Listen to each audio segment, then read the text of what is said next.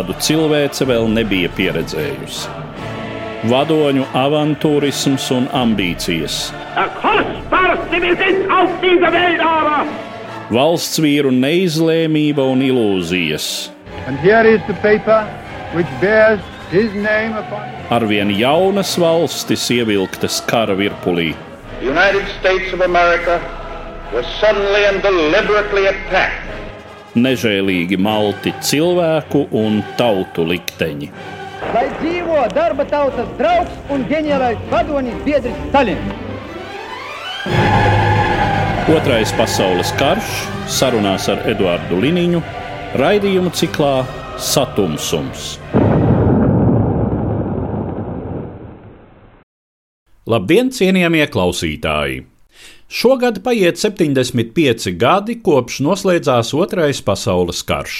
No 2009. līdz 2015. gadam veidoju raidījumu ciklu Satumsums, kurā sarunās ar vēsturniekiem pamatīgi aplūkojām šī kara norises.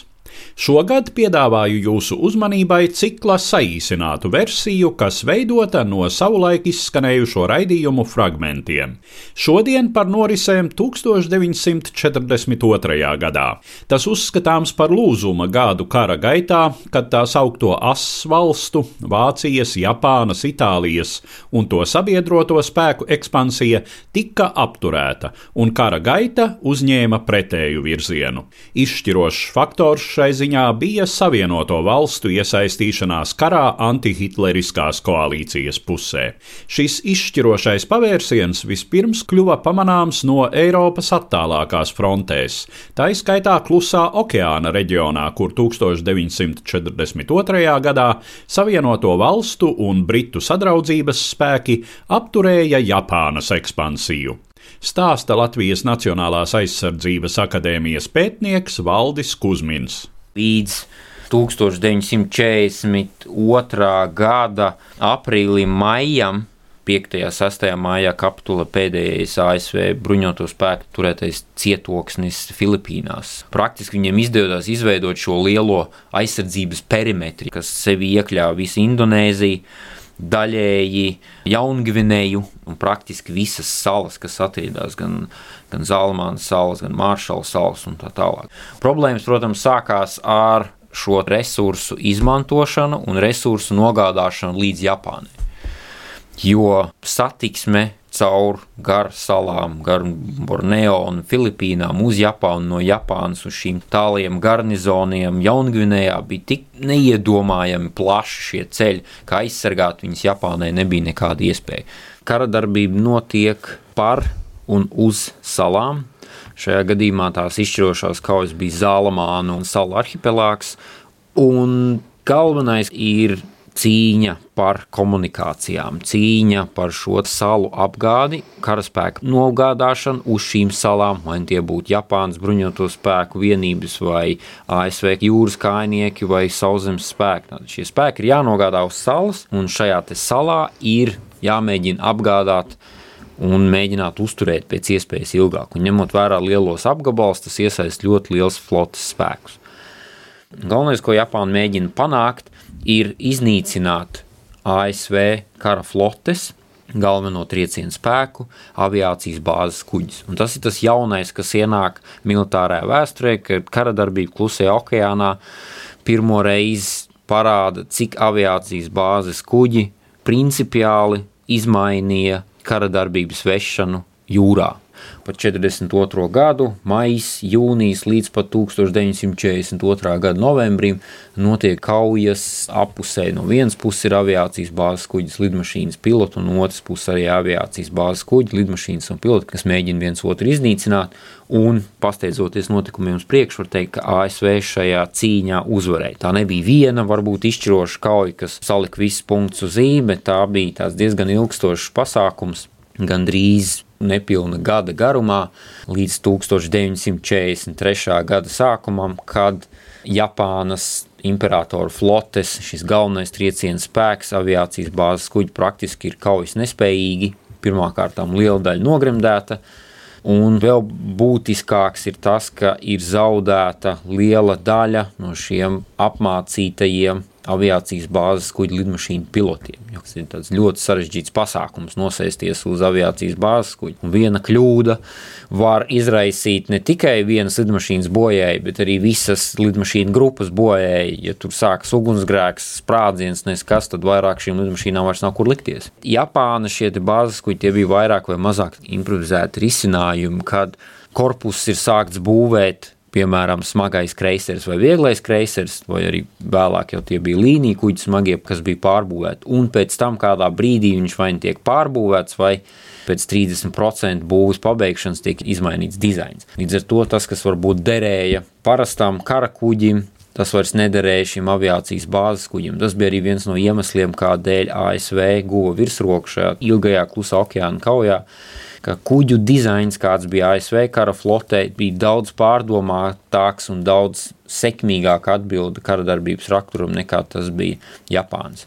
Ja mēs runājam par aviācijas attīstību, tad sākotnēji Japāņu kara flote bija ļoti augstā līmenī, taču viņi zaudēja tādā industriālā attīstības līmenī, jo ASV industriālais potenciāls bija daudz lielāks, viņi varēja savus kļūdas labot daudz īsākā laikā un ražot daudz lielākos apjomos uzlabotos modeļus gan lidmašīnām, gan kuģiem. Ja mēs runājam par tehnisko aspektu, tad 1942. gada maijā, jūnijā un jūlijā diezgan labi zināms bija elektroniskā izlūkošana. Mēs zinām, enigmas mašīnu, ko Briti bija pamanījušies uzlauzt Vācijas bruņotajos spēkos, kas šifrēja tieši analoģisku situāciju, pat vēl traģiskāku situāciju priekš Japānas imperatora kara flotes bija 42. gada maijā, kad tieši māja sākumā izdevās uzlauzt tajā brīdī lietoto kara flotes šifrēšanas kodu. Tieši māja sākumā, pirms vienas no izšķirošajām kaujām, pirms kaujas pie Midvejas salu atola uz rietumiem no Havajas salām. Tad mēnesis pirms šī uzbrukuma izdevās šo kodu uzlauzt, un praktiski viss, ko Japāņu kara flote savā starpā runāja ļoti īsā laika periodā, bija jau zināms amerikāņiem. Un tas bija viens no galvenajiem ieguldījumiem, kā amerikāņi zināja, ka būs šī operācija maija, tas ir uzbrukums Midveja atolam, tātad 42. gada no 4. līdz 7. jūlijam, izdevās sakoncentrēt spēkus atbilstoši un jau gaidīt. Tas bija kā slasts, kurā galvenie Japānas kara flotes aviācijas bāzes kuģi, tā tur bija četri aviācijas bāzes kuģi, kas šajā kaujā bija iesaistīti un visi arī gāja bojā. Kauja pie Midvejas ir viena no tām, kas tieši arī otrā pasaules kara kontekstā ir viena no visvairāk pētītajām. Tieši iemesla dēļ, ka tā tiek uzskatīta par izšķirošāko jūras kauju, jo pēc tam tur vēl sekoja nākamās un nākamās un nākamās četri aviācijas bāzes kuģi tika izītināti, bet viena pati šī kauja nebūtu izšķīrusi. Tā bija vesela rinda ar kaujām, sākot ar Koraļu jūras kauju 42. gada maija sākumā, no 4. līdz 8. maijam, kur Japāņi zaudēja divas aviācijas bāzes kuģi, nevis nogremdētas, bet bojātas, kuri līdz ar to nevarēja piedalīties kaujā pie Midvejas, to stipri samazinot triecienu spēku. Pēc tam sekoja arī kaujas austrumzālamānu salās jau pēc tam, kad jau bija amerikāņi bija izsēdušies Gvadalkanālas salā. Un vēl sekoja vesela rinda līdz pat 1942. gada novembrim, tātad kaujas, kuras Japāņi pat uzvarēja. Piemēram, kauja pie Santa Cruz salas, kur izdevās nogremdēt ASV bāzes kuģi pašiem ciešot tikai salīdzinoši neliels zaudējums. Bet šīs vairākas kaujas viena pēc otras, viena pēc otras lēnām nokausēja Japānas kara floti šo galveno triecienu spēku. Un līdz 42. gada beigām, ja nemaldos, bija palicis tikai viens aviācijas bāzes kuģis. Un tas pats atradās remontā, jo bija pamatīgi bojāts. Un kas ir vēl ļoti svarīgi, tad līdz 42. gada beigām no 765 lidmašīnu ekipāžām, kas piedalījās uzbrukuma Pearl-Harborē, tie bija tie elites piloti, navigatori, tēmētāji un šāvēji, kas bija trenējušies gadiem, lai varētu īstenot šādu veidu operāciju. Līdz 42. gada novembrim bojā bija gājuši 409 pilotu grupas. Tur ne tikai iznīcinātāji, tur ir bumvetēji, kur ir ne tikai viens pats pilots, bet arī navigators un strēlnieks un tā tālāk. Tā vairāk nekā pusi jau bija gājuši bojā.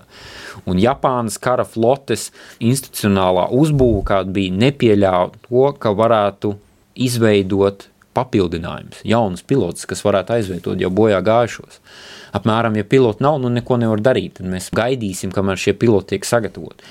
Pilotu sagatavošana, apmācība, ne tikai pilotu, arī tehniķu. to, kas šīs lidmašīnas pārbruņoja, piemēram, uz aviācijas bāzes kuģiem.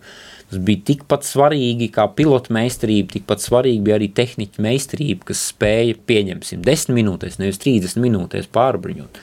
Un Japāna par to nebija padomājusi, ja kā reiz bija padomājusi, vai nu mēs uzvaram pirmajā mēnesī, vai nu mēs tāpat zaudējam. Savukārt amerikāņi gan ar savu industriālo potenciālu, gan arī varbūt tādu atvērtāko pieju kas tiek uzņemts pilotos, kā šos pilotus apmācām, kā mēs viņus izmantojam un vispārējo, ko mēs darām spēja atjaunot nemazos zaudējumus, ko viņi cieta 1942. gada vasarā. Jā, nu te droši vien ir jāuzsver tas, ka Amerikas civilās aviācijas attīstība 20. un 30. gados bija faktiski, nu, Amerika bija šai ziņā pasaules līderis.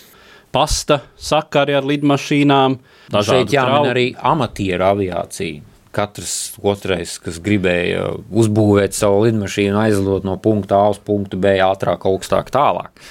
Amerikāņiem bija no kurienes ņemt kaut vai nekaujas pilotus, bet drosmīgus, jaunus, varbūt vecus cilvēkus, kas bija nolēmuši sev veltīt aviāciju tīri intereses pēc tādā amatieriskā mm. līmenī. Šeit bija pietiekami liels cilvēku kopums, no kura tad varēja ražot šos vairāk vai mazāk pieredzējušos kaujas pilotus.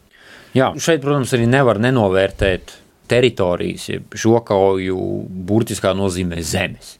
Zeme, uz kuras var nostāties stabili abām kājām, tomēr vēl aizvien bija svarīga. Ja? Un šeit jau ir ļoti svarīgi arī jau manas minētāja viena nelielā, nevienam nezināmā sala, kas tagad ir kļuvusi par vienu no tādiem etaloniem pagrieziena punktam otrā pasaules kara kontekstā, un tā ir Guadalcanāla. Neliela sala, Zalamānu salu arhipelāgā uz šīs salas Japāņi bija ieradušies un sāka būvēt lidlauku, kurš pēc tam ieguva Hendersona lidlauku nosaukumu, kā jau amerikāņi jau izsēdās un ieņēma šo lidlauku. Otrajā pasaules karā jebkura sala bija tik vajadzīga, cik uz šīs salas bija iespējams uzbūvēt lidlauku. Mēs paskatāmies bildes, kā izskatās Midvejas atvalsts, tas ir vienkārši viens liels lidlauks. Īstenībā nekā vairāk arī tur nav. Tad arī Guadalcanāla kļuva par šo lidlauku. Un līdz pat otrā pasaules kara beigām klusajā okeānā slavenā kauja par Ivaģīmu arī tikai un vienīgi lidlauks, kas interesēja abas puses, un kādēļ notika šī kaujas par dievu aizmest nostūru, kur vispār gan īsti nekas neauga. Un Guadalcanāla kara darbība kā tāda nevienam nevajadzīgā salā sākās 42. gada 7. Augustā, kad pirms tam jau blakus Tulāgī salā izcēlās 3000 jūras kājnieki, pēc tam Guadalcanālā izsēdās 11,000 jūras kājnieki. Un līdz 43. gada 9. februārim, kad pēdējie Japāņu karavīri tika evakuēti prom no šīs salas, tad arī notiek cīņa, un arī pēc būtības cīņa, kurš kur vairāk nokausēs. No amerikāņu puses tika iesaistīti tūpie 60 tūkstošiem karavīri tieši uz zemes. Un Japāņi tur tie skaitļi drusku variējās, bet pār pa 30 tūkstošiem. Un tur, protams, bija arī jūras kaujas, jo Japāņi mēģināja Guadalcanālu apgādāt, izmantojot dažādas līdzekļus, tur kaujas kuģus, apgādes kuģus. Amerikāņi šos kuģus gremdēja, pa vidu bija vēl vairākas kaujas, kur Japāņi negribēja pieļaut, lai amerikāņi piegādā papildus spēkus. Un šī kauja beigās, kad Japāņi atkāpās, kļuva par tādu kā pēdējo pilienu, kad bija skaidrs, ka Japāna ir sasniegusi savas ekspansijas tālākās robežas. Līdz ar šo pirmo atkāpšanos ir skaidrs, ka viņi ir vismaz tuvākajā laikā atteikusies no mērķiem, turpināt ekspansiju tālāk. Un ir skaidrs, ka arī šīs kaujas par salām, galvenais, kas būs, šīs kaujas par salām būtu tas, kurš dominē gaisā, respektīvi lidlauks, vai lidlauki, cik viņi daudz, cik viņi spējīgi uzņemt aviāciju un cik šos lidlaukus ir iespējams aizsargāt pret pretinieku aviāciju. Un nākamais tā ir flote, kas ir spējīga šīs vientuļās salas apgādāt ar karavīriem, pārtiku, munīciju, degvielu un vispārējos. Un, ja mēs pēc tam tālāk skatāmies 43. un jau sevi 44. gads kara darbība Filipīnās, Ivodžima, Okināva un visas pārējās daudzas un dažādās klusā okeāna salas, kas pēc tam tika ieņemts, notika gandrīz pēc vienāda scenārija. Tātad Japāņi tiek izolēti uz vienas vai vairākām salām, mēģina kaut kādā veidā atbalstīt ar jūras vai gaisa spēkiem, savukārt ASV jūras kājnieki izsēžās šīs salas vai Filipīnās, teiksim, sauszemes spēku vienības izsēžās, un savukārt jūras spēki un gaisa spēki nepieļauj Japānas karaflotes un gaisa spēku pietuvošanos, un līdz ar to turpina nokausēt Japānas bruņotos spēkus. Otrs nozīmīgs kara darbības rajons 1942. gadā bija Vidusjūra un Ziemeļāfrika, kur vācu un itāliešu spēki tiecās ieņemt Suecas kanāla rajonu un ielausties ar naftu bagātajā tuvo austrumu reģionā. Cīņā par vidusjūru izšķiroša nozīme bija Maltas arhipelāgam, kas kļuva par nenogremdējamu britu aviācijas bāzes kuģi, kavējot sakarus starp Itāliju un ģenerāļa Ervīna Romela komandētajiem asspēkiem Ziemeļāfrikā. Turpina Valdis Kusmins. No 1942. gada janvāra kad otrā gaisa flote ar Albertu Keselringu priekšgalā tiek pārsviesta no Krievijas uz vidusjūras reģionu, tieši lai plānotu un īstenotu šo blokādu pret Maltu, tad arī sāks tie visgrūtākie laiki, un, tiksim, 42. gada maijas, jūnijas, tad ir tādi leģendāri apraksti par to, kad viņi cep baltu maizi un kad cep pelēku maizi, kad miltiem jau tiek pieaugt kartupeļu milti klāt, jo vienkārši pārtiks vairs nav palicis. Tiek rēķināts, ka brīdī, kad 1942. gada augustā sekmīgi izdevās nogādāt konvojam pedestālu, kas no viņa palika pāri, lielākā daļa tika nogremdēta, bet tomēr svarīgākie kuģi ienāca 15. augustā ostā. Tas tiek apmēram, ka bija palikuši desmit dienas, bet desmit dienas nevis munīcijas un degvielas, bet desmit dienas pārtikas. Un, ja šie kuģi, ja nemaldos, viņi bija pieci kopā ar, ar slaveno tankuģi Ohio, kas 15. augustā iebrauca šajā ostā, ka pēc desmit dienām būtu sācies pats. Un bija plānota tieši Krētas tipa gaisa desanta operācija. 42. gada kampaņa paredzēja, ka no sākuma Romēls uzbruka ieņemt Tobruku, lai atspiestu pēc iespējas tālāk Britus no Maltas salas. Pēc tam notiek gaisa desanta un jūras desanta spēku operācija. Tiek ieņemta Malta. Savukārt pēc Maltas ieņemšanas, kad ir droši, ka satiksme ar Itāliju un Eiropas kontinentu ir nodrošināta, tad atkal visa aviācija tiek nodota Ervīna Romela rīcībā, kurš var sākt savu pēdējo galveno uzbrukumu Eģiptei un Aleksandrijai un Suecas kanālam. Tad, kad Ervīns Romēls ieņēma Tobruku 1942. gada 26. maijā, milzīgi skaita karagūsti, 30 tūkstoši karagūsti. Izdevās iegūt arī milzīgu skaitu degvielas un pārtikas krājumiem. Tad Romelam, protams, uzreiz radās ideja, kādēļ mums tagad būtu jāapstājās, visa aviācija jānodod Keselringa rīcībā un Itāļu rīcībā lai viņi tagad tur niekotos ar Maltas gaisa desanta operācijām. Ja mēs tagad jau jūnija sākumā vēl drusku piespiedīsimies, vēl drusciņi, drusciņi, drusciņi, un mēs nonāksim Aleksandrijā, Kairā un mazgāsim kājas Suecas kanālā. Ervīna Romela ambiciozajiem plāniem tomēr nebija lemts īstenoties. Britu sadraudzības spēki, kuros ietilpa Austrālijas, Jaunzēlandes, Dienvidāfrikas un Indijas vienības, tāpat Grieķu un Franču vienības, apturēja vācu un itāliešu uzbrukumu apmēram 100 km attālumā no Suecas kanāla pie El Alameinas pilsētiņas. Tur arī notika izšķirošā cīņa par Ziemeļāfriku, stāsta Latvijas kara muzeja pētnieks Jānis Tomaševskis. Elalameina bija vienkārši mazs dzelzceļa mezgls vidusjūras krastā. Katras iepalka, kas atradās aptuveni 65 km no vidusjūras, radīja dabīgu aizsardzības līniju Britu komandētajiem spēkiem katras ieplaka. Tādas mīkstās smiltis, kas tankiem bija faktiski neizbraucamas. Jau 1941. gada aprīlī Romēls bija pietuvojies Tobrukai un to aplencis. Tomēr vairāk nekā gadu viņam neizdevās šo Tobruku ieņemt. Un tad, kad 42. gada 21. jūnijā Tobrukas garnizons beidzot kapitulēja, tur palika ļoti lieli kara materiāli. Tagad tie bija vācu rīcībā. Un pēc Tobrukas garnizona sakāves šī atkāpšanās uz Elalāmēnas pozīcijām notika ļoti strauji. Romelam vienmēr viņa Āfrikas kampaņas laikā, īpaši tad, kad viņš tuvojās Eģiptes teritorijai, bija degvielas, bruņojuma, cilvēku resursu deficīts. Bernārds Montgomerijs, tajā brīdī ģenerālleitnants, par Britu 8. armijas komandieri kļūst 1942. Eh, gada 12. augustā. Britu spēkus tuvajos austrumos komandē ģenerālis Aleksandrs Čērčils izdod pavēli, ka ir jāgatavojas uzbrukumam, Montgomerijs gan nav tik pārgalvīgs. Viņš uzskata, ka uz karstām pēdām nekāds uzbrukums nevar tikt plānots. 8. armijai ir jāturpina trenēties, jānostiprina sava aizsardzības līnija un jāgaida brīdis, kad viņu spēki būs pietiekami koncentrēti. Rommels jau 1942. gada jūlijā sāka tā saucamo pirmo alamēnas kauju, kad centās veidot savu tradicionālo uzbrukumu no flangiem. Pirmajā alamēnas kaujā Britu aizsardzības līnija noturējās, un Romelam atlika vēl tikai viens taktisks manevrs, un viņš to centās realizēt Alam El Halfas kaujā 1942. gada septembrī. Viņš centās iebrukt Britu pozīcijās no dienvidu puses, kur atradās Alam El Halfas kalnu līnija, un viņš to centās apiet no austrumu puses.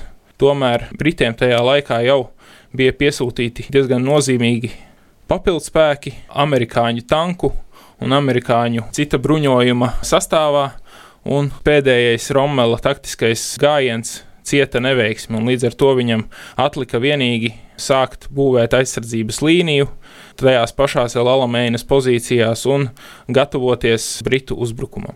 Tajā brīdī, kad eh, Montgomerijs pārņem 8. armiju, Pirms tam vairākus mēnešus Britu 8. armija ir tikai atkāpusies, un šiem eh, Britu 8. armijas karavīriem nav ticības, ka Elamēnas līnija būs tā, kurā viņi šos vācu spēkus apturēs. Montgomerijs tiešām izvērsa ļoti masveidīgu gan aizsardzības līniju būvi, gan arī trenēja savu armiju gaidāmajam uzbrukumam. Šie gandrīz divi mēneši, kas viņam bija gatavojoties uzbrukumam, bija pietiekami ilgs laiks, lai gan mehanizētās divīzijas, gan kājnieki, gan arī tanku vienības spētu saprast, ko Montgomerijs no viņiem gaida. Atšķirībā no Rommela, kurš faktiski visus savus pieejamos spēkus bija savilcis aizsardzības līnijā, un tikai ļoti neliela daļa bija palikusi rezervē. Tad Montgomerijam rezerves bija pietiekami lielas. Šīm rezervēm nedraudēja vācu Luftwaffes uzlidojumi, kā tas bija Rommela piegādes līnijām, kurām Britu karaliskie gaisa spēki regulāri nodarīja lielus postījumus, tādas vienības kā, piemēram, Indiešu 4. divīzija, tāpat Austrāliešu 9. divīzija, Jaunzēlandes 2. divīzija un uh, Dienvidāfrikas 1. divīzija. Un, lai arī šīs vienības bija visai nepieredzējušas un īpaši kaujās tuksnesī, tomēr viņām bija pietiekami liela motivācija un arī vēlme mācīties un realizēt Mongoverija pavēles. Tieši 8. armijas 30. korpus ģenerāla leitnanta Līsa vadībā, kurā ietilpa visas jau pieminētās sadraudzības divīzijas, viņas lielā mērā arī izšķīra šo kauju iznākumu, jo šis 30. armijas korpus bija novietots Ziemeļu frontes sektorā, kur arī bija vissīvākās cīņas, un kur šim 30. korpusam, palīdzot arī 10. armijas korpusam, izdevās pāraut vācu aizsardzības līniju. Montgomerijs zināja, ka Rommels ir nostiprinājis aizsardzības līniju ar milzīgu daudzumu pretanku mīnām, pretkājnieku mīnām, un viņš uzskatīja, ka ir jāmeklē šīs vājās vietas vācu aizsardzības līnijā, un tādēļ, gatavojot uzbrukumu, viņš sadalīja britu spēkus vairākās daļās un centās uzbrukt vienlaikus vairākos frontes sektoros, lai Rommels nespētu sakoncentrēt savus aizsardzības spēkus vienā vietā, un viņam vajadzētu šos aizsardzības spēkus sadalīt. Uzbrukums sākās 1942. gada 23. oktobrī. Sākās ar masveidīgu lielgabalu kononādi visas frontes garumā, visu 65 km garumā, un pēc 20 minūšu kononādes vajadzēja sekot kājnieku triecienam, kuri dotos pāri vācu pretanku mīnu laukiem. Kājnieki bija pārāk viegli, lai šīs mīnas detonētu. Un pēc kājnieku trieciena devās atmīnētāji, kuri šajos mīnu laukos centās izveidot koridorus, pa kuriem britu tanki dotos uzbrukumā vācu ierakumiem. Jā, var pieminēt, ka šie mīnu lauki tiešām vairākus desmitus kvadrātkilometru platībā tika dēvēti par sātana dārziem. Jā, Jā šie sātana dārzi tiešām bija iespaidīgi. Rommels visā frontes joslā bija ievietojis tūkstošu smiltīs vairāk nekā pusmiljonu šo pretanku un pretkājnieku mīnu. Tātad pirmais posms ir uzbrukums, jeb ielaušanās, Otrais posms sekoja, kad britu tanki sāka mēģināt sadalīt vācu spēkus. Jāsaka, ka vācieši arī nebija ar pliku roku ņemami, jo Rommels svieda visus savus iespējamos līdzekļus, gan tankus, gan diezgan slavenos 88 mm zenīta artērijas lielgabals.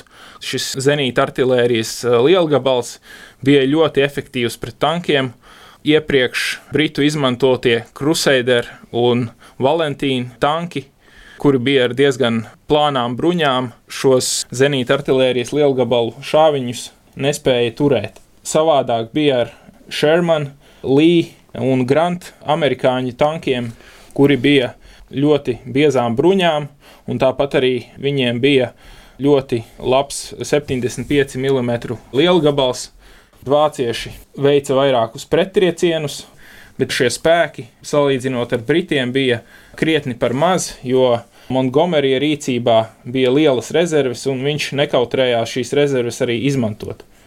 Kauja izšķīrās pēc aptuveni desmit dienām. 1. un 2. novembrī Montgomerijs realizēja tā saucamo operāciju Supercharge, un šajā operācijā Ziemeļu frontes sektorā 10. un 30. armijas korpus spēja caursist vācu aizsardzības līniju.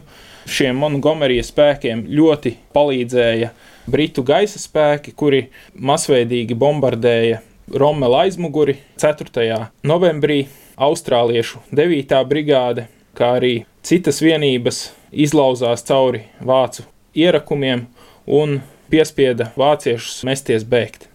Sākotnēji Rommels bija plānojis veikt atkāpšanos, lai arī viņš bija saņēmis no Hitlera nepārprotamus mājienus par to, ka ir jācīnas līdz pēdējam vīram, un uh, drīz jums atkal pienāks papildspēki no Vācijas, tikai turieties. Tomēr Rommels bija gudrs karavadonis, un viņš saprata, ka viņa spēki ir pārāk mazi, un viņam ir nodarīti jau pārāk lieli zaudējumi, lai viņš spētu atkāpties, organizēt ar kaujām un ieņemt kaut kādu nākamo aizsardzības līniju. Viņš bija paredzējis novietot savu armiju aptuveni 50 km uz rietumiem no Elamēnas līnijas, tā saucamajā Fuka aizsardzības līnijā. Tomēr viņa armijas sabrukums bija pārāk acīm redzams un Britu armijas uzbrukums pārāk strauji, lai viņš spētu organizēt kādu prātīgāku atkāpšanos. Šajā atkāpšanās brīdī Rommels, ja tā var teikt, pameta itāļu spēkus vienatnē, jo jau sākotnēji itāļu spēki bija tie, kas ieņēma lielāko daļu no aizsardzības līniju pozīcijām, un vācu Āfrikas korpus koncentrējās nedaudz aizmugurē, un šajās kaujās kas risinājās operācijas Supercharge ietvaros. Itāļu spēki, arī ETA divīzija, Boloņas divīzija, kā arī Trentes divīzija faktiski bija pilnībā iznīcinātas. Briti sagrāba diezgan daudz bruņu tehnikas, tāpat arī saņēma ļoti daudz itāļu gūstekņus. 23. novembrī, tas ir mēnesis pēc Elamēnas kaujas sākuma, Romela spēki jau ir atspiesti atpakaļ uz L. Ageilas pozīcijām. Tās ir pozīcijas, kur viņi sāka savu uzbrukumu 1942. gada janvārī. Tātad eh, viņi ir izspiesti no Eģiptes un eh, atspiesti pāri visai Lībijas teritorijai. Romelam šajā brīdī ir jācīnās divās frontēs, līdz ar to šī Āfrikas kampaņa faktiski ar to arī ir izšķirta. Kāda tad ir e, šīs Lalamēnas kaujas nozīme? Jāpiemina slavenais Winstona Čērčila izteikums, ko viņš ir teicis savās atmiņās par to, ka pirms Lalamēnas britu spēkiem nebija nevienas lielākas uzvaras, tad pēc Elamēnas kaujas sabiedroto spēkiem nebija neviena lielāka zaudējuma. Protams, visai izšķiroši notikumi 1942. gadā risinājās arī Padomju Vācu frontē, un tiem pievērsīsimies mūsu nākamajā raidījumā. Šajā raidījumā dzirdējāt vēsturniekus Latvijas Nacionālās aizsardzības akadēmijas pētnieku Valdi Kusminu un Latvijas kara muzeja pētnieku Jāni Tomaševski. Uz redzēšanos, cienījamie klausītāji!